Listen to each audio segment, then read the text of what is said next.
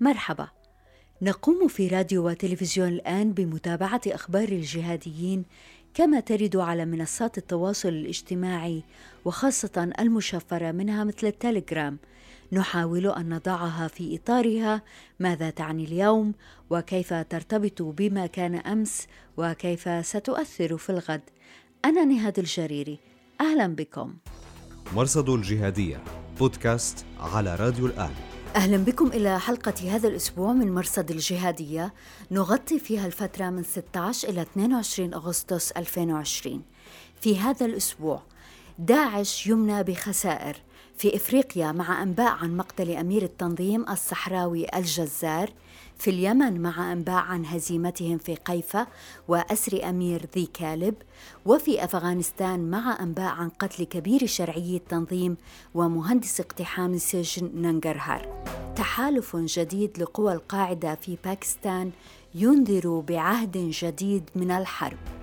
ضيفا هذا الأسبوع مشير المشرعي رئيس تحرير عين اليمن الإخبارية. آه، حتى أن هناك مصادر لدينا من داخل التنظيم نفسه انصدمت من العملية التي نفذت ضد الدكتور مظهر. والدكتور إسفنديار مير من مركز ستانفورد للأمن والتعاون الدوليين في كاليفورنيا الأمريكية.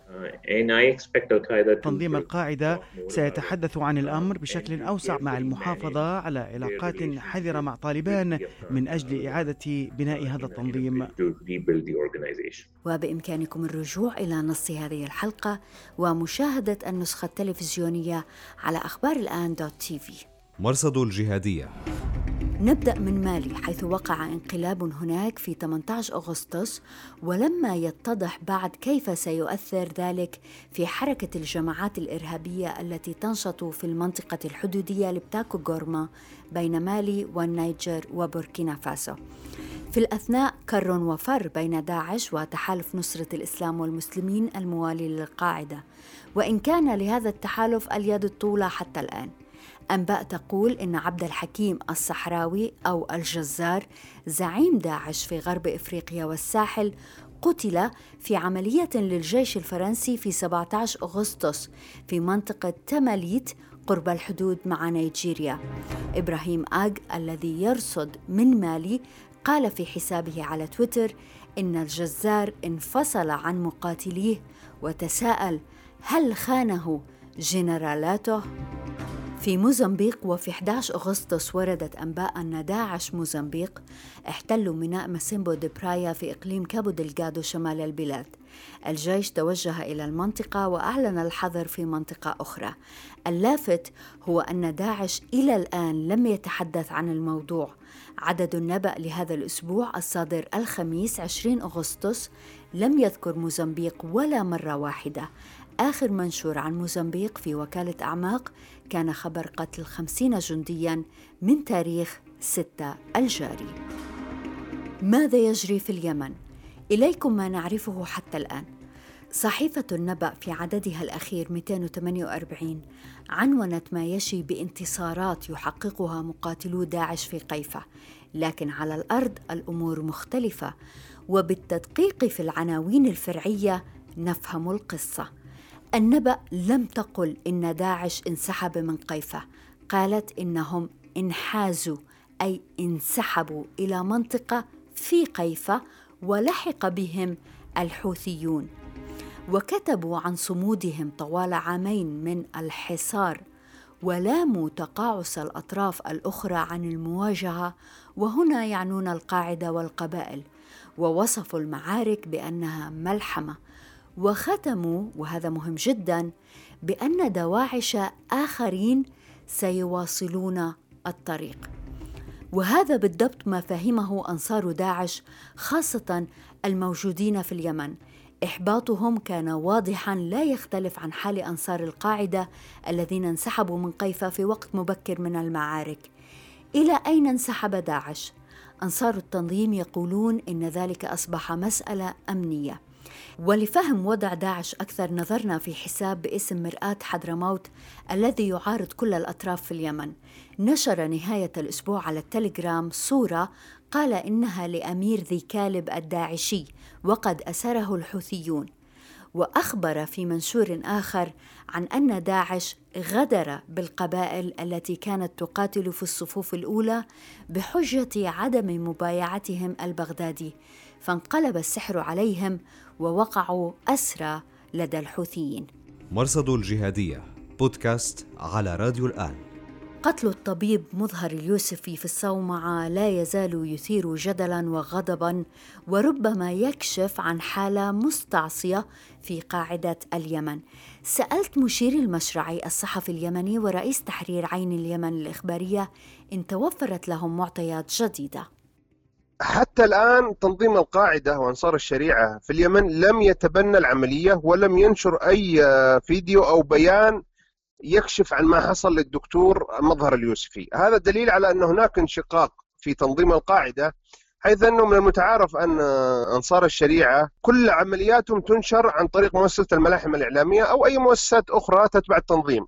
لكن إعدام الدكتور مظهر بعد انتزاع اعترافات منه ونشر الفيديو على مواقع التواصل الاجتماعي دليل على أن هناك جناح داخل تنظيم القاعدة لا يوالي خالد باطرفي وربما يوالي أبو عمر النهدي الذي بدوره أبو عمر النهدي يعني ليس لديه علاقة جيدة مع التنظيم الأساسي تنظيم القاعدة. من أجل أن يستطيع نشر هذه المواد التي ينفذها سواء إعدام الدكتور أو عمليات اغتيال أو غيرها. فحتى الآن قبائل البيضاء تدين العملية حتى أن هناك مصادر لدينا من داخل التنظيم نفسه انصدمت من من من العملية التي نفذت ضد الدكتور الدكتور مظهر وقالت أن هذه العملية أتت في وقت سابق لأوانه وأن الدكتور مظهر معروف داخل التنظيم داخل مدينة الصومعة. فهناك خلافات كبيرة داخل تنظيم القاعدة تعصف بالتنظيم. خسارة مناطق اغتيال قيادات اختفاء قيادات أخرى أمثال خالد باطرفي الذي لم يظهر من آخر شريط مصور له في رمضان حتى الآن. ظهور قيادات أخرى على التنظيم سواء المدعو سلمان المنصوري وهو أمير التنظيم في الصومعه الذي قيل إنه المنفذ لإعدام الدكتور مظهر. كل هذه الأسباب أظن أنها تعجل بانكماش التنظيم من البيضاء. الأستاذ مشير المشرعي الصحفي اليمني ورئيس تحرير عين اليمن الإخبارية. شكرا جزيلا أستاذ مشير على هالمعلومات. الله يعافيك أستاذة نهاد شكرا لك. لدينا أخبار من إدلب حيث تستمر الاعتقالات في صفوف المعارضين وتستمر التظاهرات ضد الجولاني وحيث تجددت المناكفات مع المقدسي والسبب هو الداعشي سعد الحنيطي. فما هي القصة؟ هذا يأتي لاحقا لكن نتوقف الآن عند المنطقة التي ربما انطلق منها كل هذا خراسان. مرصد الجهادية. في أفغانستان قالت السلطات إنها قتلت عبد الله اوركزاي كبير شرعي داعش والذي يعتقد أنه العقل المدبر وراء اقتحام سجن نانجرهار مطلع هذا الشهر. وهنا علينا أن نميز بين هذا الرجل عبد الله اوركزاي وبين أسد الله اوركزاي كبير أمني داعش الذي قتل في أفغانستان مطلع الشهر. وبالحديث عن داعش في أفغانستان صدر هذا الأسبوع تقرير قيم للباحث الأفغاني عبد السيد عن الأمير الجديد للتنظيم الدكتور شهاب المهاجر الذي يعتقد أنه من بلد شرقي أوسطي وكان سابقا مع القاعدة. في باكستان ظهر تحالف جديد للقاعدة هذا الأسبوع. جماعة الأحرار بزعامة عمر خالد الخراساني. وحزب الأحرار بزعامة عمر خراساني اندمجا في تنظيم طالبان باكستان بزعامة أبي منصور عاصم مفتي نور ولي محسود. منذرين بعهد جديد للحرب في القارة الهندية. في ردود الفعل أنصار داعش اعتبروا الاندماج خزعبلات على أساس أنهم كانوا أصلا في الجماعة وانشقوا عنها ثم الآن عادوا. أنصار القاعدة استبشروا بأن باكستان على خطى أفغانستان فإلى أي درجة هذه الأخبار مهمة فيما يعرف جهاديا بخراسان؟ يسرنا أن يكون معنا الدكتور إسفنديار مير من مركز ستانفورد للأمن والتعاون الدوليين في كاليفورنيا الولايات المتحدة الأمريكية. شكرا جزيلا دكتور لوجودك معنا. Thank you Nihad for having me on your show. ساعدنا دكتور على أن نرى بإيجاز أين يقف كل طرف من الجماعات الإرهابية في هذه المنطقة ولنبدأ بأفغانستان وداعش. أين داعش اليوم؟ Daesh or uh, or the Afghanistan chapter of the Islamic State فرع داعش في أفغانستان حقق نجاحا في السنوات الخمس أو الست الأخيرة. فاستحوذ على مناطق في مقاطعتي كونار وننجرهار في الشرق. لكنه مني أيضا بهزيمة على الأرض خسروا مناطق ومقاتلين قتلوا أو انشقوا لصالح الحكومة الأفغانية أو طالبان. قاد الحملات العسكرية ضدهم كل من القوات الأمريكية والحكومة الأفغانية وحتى طالبان. بعض المحللين على الأرض يقولون إن الخسائر التي مني بها داعش في أفغانستان كانت بسبب طالبان. الحكومة الأمريكية اعترفت أخيرا بالتعاون مع طالبان لسد بعض الثغرات في كونار ونينجرهار. كل هذا جعل داعش يواجه تحديات سياسية وعسكرية كبيرة في أفغانستان. لكن بالرغم من هذا تمكن داعش من شن هجمات مهمة في مناطق حضرية من أفغانستان. رأينا كيف اقتحموا السجن في نينجرهار. داعش يريد أن يحافظ على وجوده وتعويض خسائره. أعتقد أن داعش يشهد صعودا في أفغانستان ومن المبكر أن نمحوه من الخارطة خاصة في ضوء الهجمات العنيفة التي يشنها لكن قوتهم سوف تخبو أمام مجموعات كبيرة مثل طالبان الذين يريدوا أن يكونوا جزءا من الحكومة وحتى أمام القاعدة وإن كنت لا أرى أن القاعدة ستحظى بقوة كبيرة في ذلك البلد.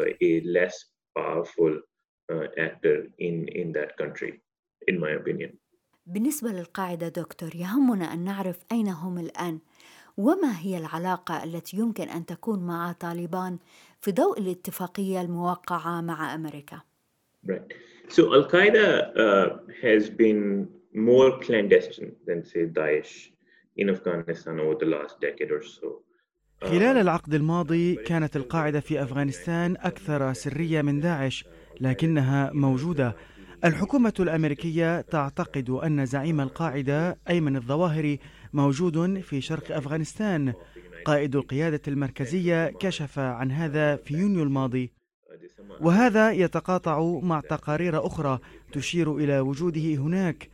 إذا على الأرجح الظواهري لا يزال في أفغانستان إلى جانب عدد من كبار قيادي القاعدة. ونذكر أن ابن أسامة بن لادن حمزة قتل في أفغانستان وإن كنا لا نعلم التاريخ على وجه اليقين. البعض يقول إنه قتل في عام 2019 وآخرون يقولون إنه قتل في ديسمبر عام 2017 لكن المهم هنا هو أنه قتل في أفغانستان. علاقة القاعدة مع طالبان تمتد على عقدين من الزمان بدءا من عام 95 و 96 وقادة القاعدة قريبون من قيادة طالبان. لكن طالبان الآن تواجه ضغطا من المجتمع الدولي لفك الارتباط بالقاعدة بموجب الاتفاق الموقع مع أمريكا. على الورق التزم الطالبان بقطع العلاقات مع القاعدة وعدم السماح لهم بشن هجمات خارجية. لكن إن نظرنا جيدا إلى المشهد سنجد أن طالبان يحافظون على علاقة سرية مع القاعدة. في الأشهر والأعوام الأخيرة نشرت الأمم المتحدة تقارير توثق وجود نوع من العلاقة بين القاعدة وطالبان وأن طالبان لا يزالون يوفرون الحماية لقيادة القاعدة وعناصرها. بالرغم من هذا يبدو أن قيادة القاعدة غير مرتاحة للأمر. يشعرون أن طالبان قد تتصرف معهم كما فعلت هيئة تحرير الشام. لا يظهر هذا الشعور على العلن ولهذا نرى أن القاعدة لم يقولوا شيئا عن اتفاقية السلام مع أمريكا التي وقعت في فبراير الماضي. ومن المثير للاهتمام أن طالبان لم يتفوهوا بكلمة قاعدة لم أسمع قادة طالبان يقولون هذه الكلمة. صحيح أن لفظ القاعدة مكتوب في وثائق الاتفاقية لكن طالبان وفي كل مقابلاتهم لم يتحدثوا عنهم. سيكون موضوعا شائكا. أعتقد أن أفغانستان مهمة للقاعدة. مهم لهم أن أمريكا ستغادر أفغانستان. وهو ما يعتبرونه نجاحا لحربهم الجهادية أعتقد أن تنظيم القاعدة سيتحدث عن الأمر بشكل أوسع مستقبلا مع المحافظة على علاقات حذرة مع طالبان من أجل إعادة بناء هذا التنظيم their relationship with the Afghan Taliban uh, in, a, in a bid to rebuild the organization. لكن دكتور القاعدة باركت الاتفاق وجددت الولاء لأخونزادا كيف تقرأ هذه الاستراتيجية؟ Right. So, despite you know the the nervousness on part of some in Al Qaeda, uh, it's clear that Al Qaeda wants to wants to closely work with the Afghan Taliban. بالرغم من الشعور بعدم الارتياح الذي نراه لدى القاعدة إلا أنهم يريدون أن يحافظوا على علاقة عمل مع طالبان في أفغانستان. يريدون أن يبقوا في أفغانستان. ولهذا أعادوا التأكيد على ولائهم لمولوي هبة الله أخندزادة ولنفس الأسباب يحافظون على علاقة قوية مع بعض زعامات طالبان مثل أخندزادة نفسه والملا يعقوب وهو ابن الملا عمر وسراج حقاني ابن جلال الدين حقاني الذي رابطته علاقة قوية مع بن لادن وغيرهم من قيادات طالبان مثل صدر إبراهيم. جميعهم يتعاطفون مع القاعدة ويرونهم مطاردين في بلادهم ويسعون إلى الجهاد ولهذا أتوا إلى أفغانستان. إذا ثمة متعاطفون مع القاعدة في صفوف طالبان وأعتقد أنهم يريدون أن يحموا القاعدة من أجل تحقيق طموح التنظيم في شن هجمات عابرة للدول. بالرغم من هذا نجد أن طالبان يشعرون بالضغط عليهم من الشعب الأفغاني نفسه من أجل إنهاء الحرب وكذلك الضغط الدولي. وواضح أن الحكومة الأمريكية وجدت طرقا لممارسة هذا الضغط على طالبان وأعتقد أن واشنطن ستحتوي العلاقة بين طالبان والقاعدة في المستقبل القريب.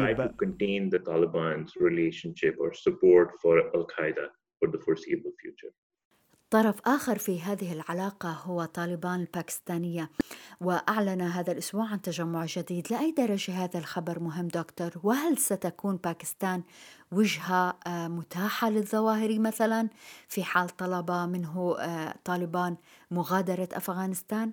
Right, right. So if you look at the last two decades uh, of this region, Al Qaeda has had two major allies. The first one is لو نظرنا إلى أحداث العقدين الماضيين في المنطقة سنجد أن للقاعدة حليفين قويين رئيسيين. الأول هو طالبان أفغانستان وقد تحدثنا عنهم مطولا والثاني هو تحريك طالبان باكستان. هؤلاء لعبوا دورا كبيرا في حماية قيادة القاعدة المركزية في فترة ما بعد هجمات الحادي عشر من سبتمبر. قادة القاعدة ومقاتلوها الأجانب تمركزوا في منطقة وزيرستان القبلية في باكستان وطالبان باكستان وفرت لهم الحماية. ونتيجة لذلك قامت طائرات أمريكية مسيرة باستهداف قيادات طالبان الباكستانية والقاعدة وقتلت منهم الكثير. ومع صعود داعش في المنطقة نجد أن طالبان الباكستانية منيت بخسائر كبيرة وبدأت بالتشرذم.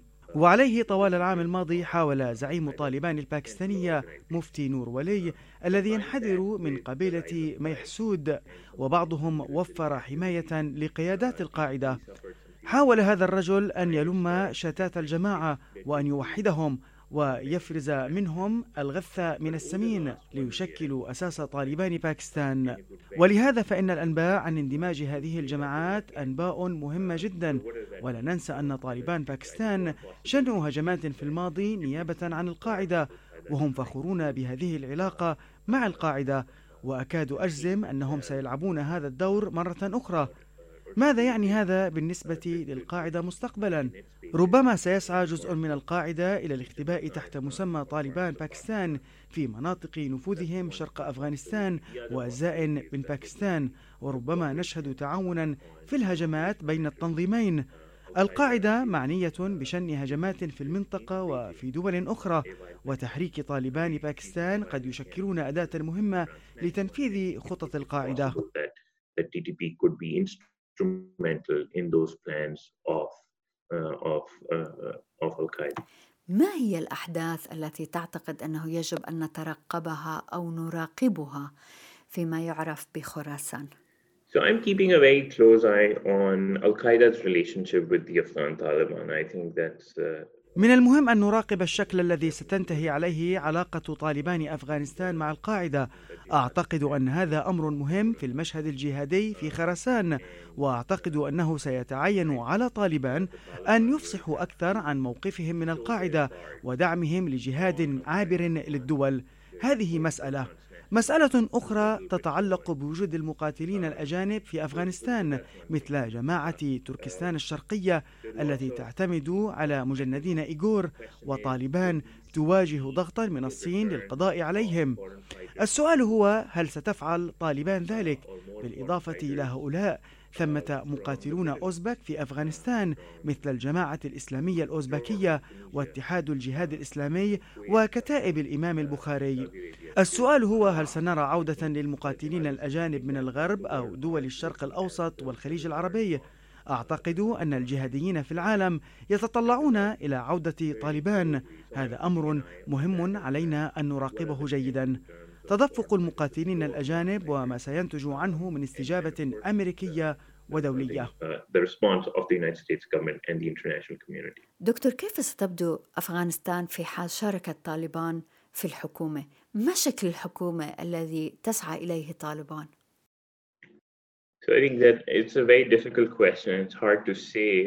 هذا سؤال صعب. لنجيب عليه علينا أن ننظر إلى ما نعرفه الآن.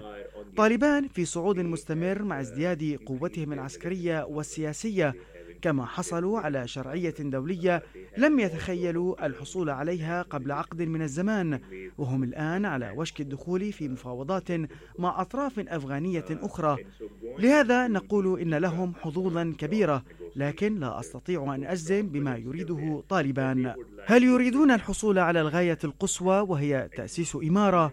إذا إلى أي درجة هم مستعدون لتقديم تنازلات؟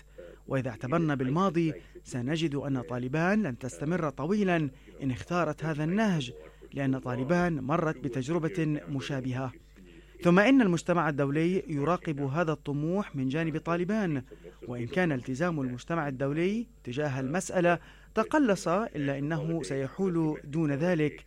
فلن يسمح بتكرار ما حصل مع داعش عندما أقاموا استعراضات عسكرية وسط الموصل لن يسمح بذلك في كابول لكن السياسة الأمريكية أصبحت متجهة أكثر إلى الداخل ولم يعد ثمة اهتمام كبير بمناطق مثل أفغانستان وأخشى أن عدم الاهتمام هذا سيزيد في قادم الأيام.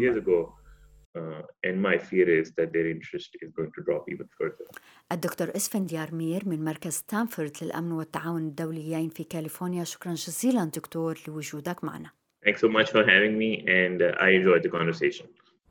مرصد الجهادية بودكاست على راديو الآن أصدرت هيئة تحرير الشام توضيحا حول اعتقال بلال عبد الكريم الصحفي الأمريكي المقيم في شمال سوريا وقالت إنه متهم بالترويج لأكاذيب تمس مؤسسات الهيئة ومتهم بعقد لقاءات مع مطلوبين للأمن. معارضو الهيئة قالوا إن هذه التهم معلبة يتوارثها المستبدون من قبيل الإساءة للذات الأميرية. واعتبروا أن ملاحقة الروس والقائمين على المعرض التشكيلي في إدلب أولى من ملاحقة بلال. الهيئة رفضت أيضا تكفيل توقير شريف أبي حسام البريطاني الذي اعتقل للمرة الثانية بعد مشاجرة مع أحد سجانيه منتصف الشهر ازدادت وتيرة الاحتجاجات ضد الجولاني في عرب سعيد تحديدا وهي التي كانت معقلا رئيسا لحراس الدين قبل أن تنقض عليهم الهيئة في الشهرين الماضيين. المحتجون طالبوا بإطلاق سراح أبي عمر منهج أحد أبناء البلدة والمعتقل لدى الهيئة. الهيئة تقول إنه سارق محتطب وأنصاره يقولون إنه رفض مساندة الهيئة ضد الحراس. أمنيو الهيئة أطلقوا النار على المتظاهرين وعم إضراب في البلدة واعتقل أحد أعيانها ثم أطلق سراحه معارضو الهيئة اعتبروا كل ذلك تذكيرا بممارسات نظام بشار الأسد ضد معارضيه تجددت المناكفات بين جماعة أبي محمد المقدسي وجماعة هيئة تحرير الشام. المقدسي نشر صوتية لما قال إنه توثيق للتعذيب في سجون الهيئة. القصد من الصوتية كان دعم موقف بلال عبد الكريم المعتقل لدى الهيئة منذ 13 الجاري. لكن في قلب هذه الصوتية كان سعد الحنيطي وهو أردني يحمل شهادة الدكتوراه وكان من أوائل من التحق بجبهة النصرة ثم أصبح كبير شرعي داعش الرجل معتقل لدى الهيئة. انسجنت معه شهر كامل في الزنبقي ثم تم تحويلنا إلى سجن أمني ثاني وهو سجن صرمدة.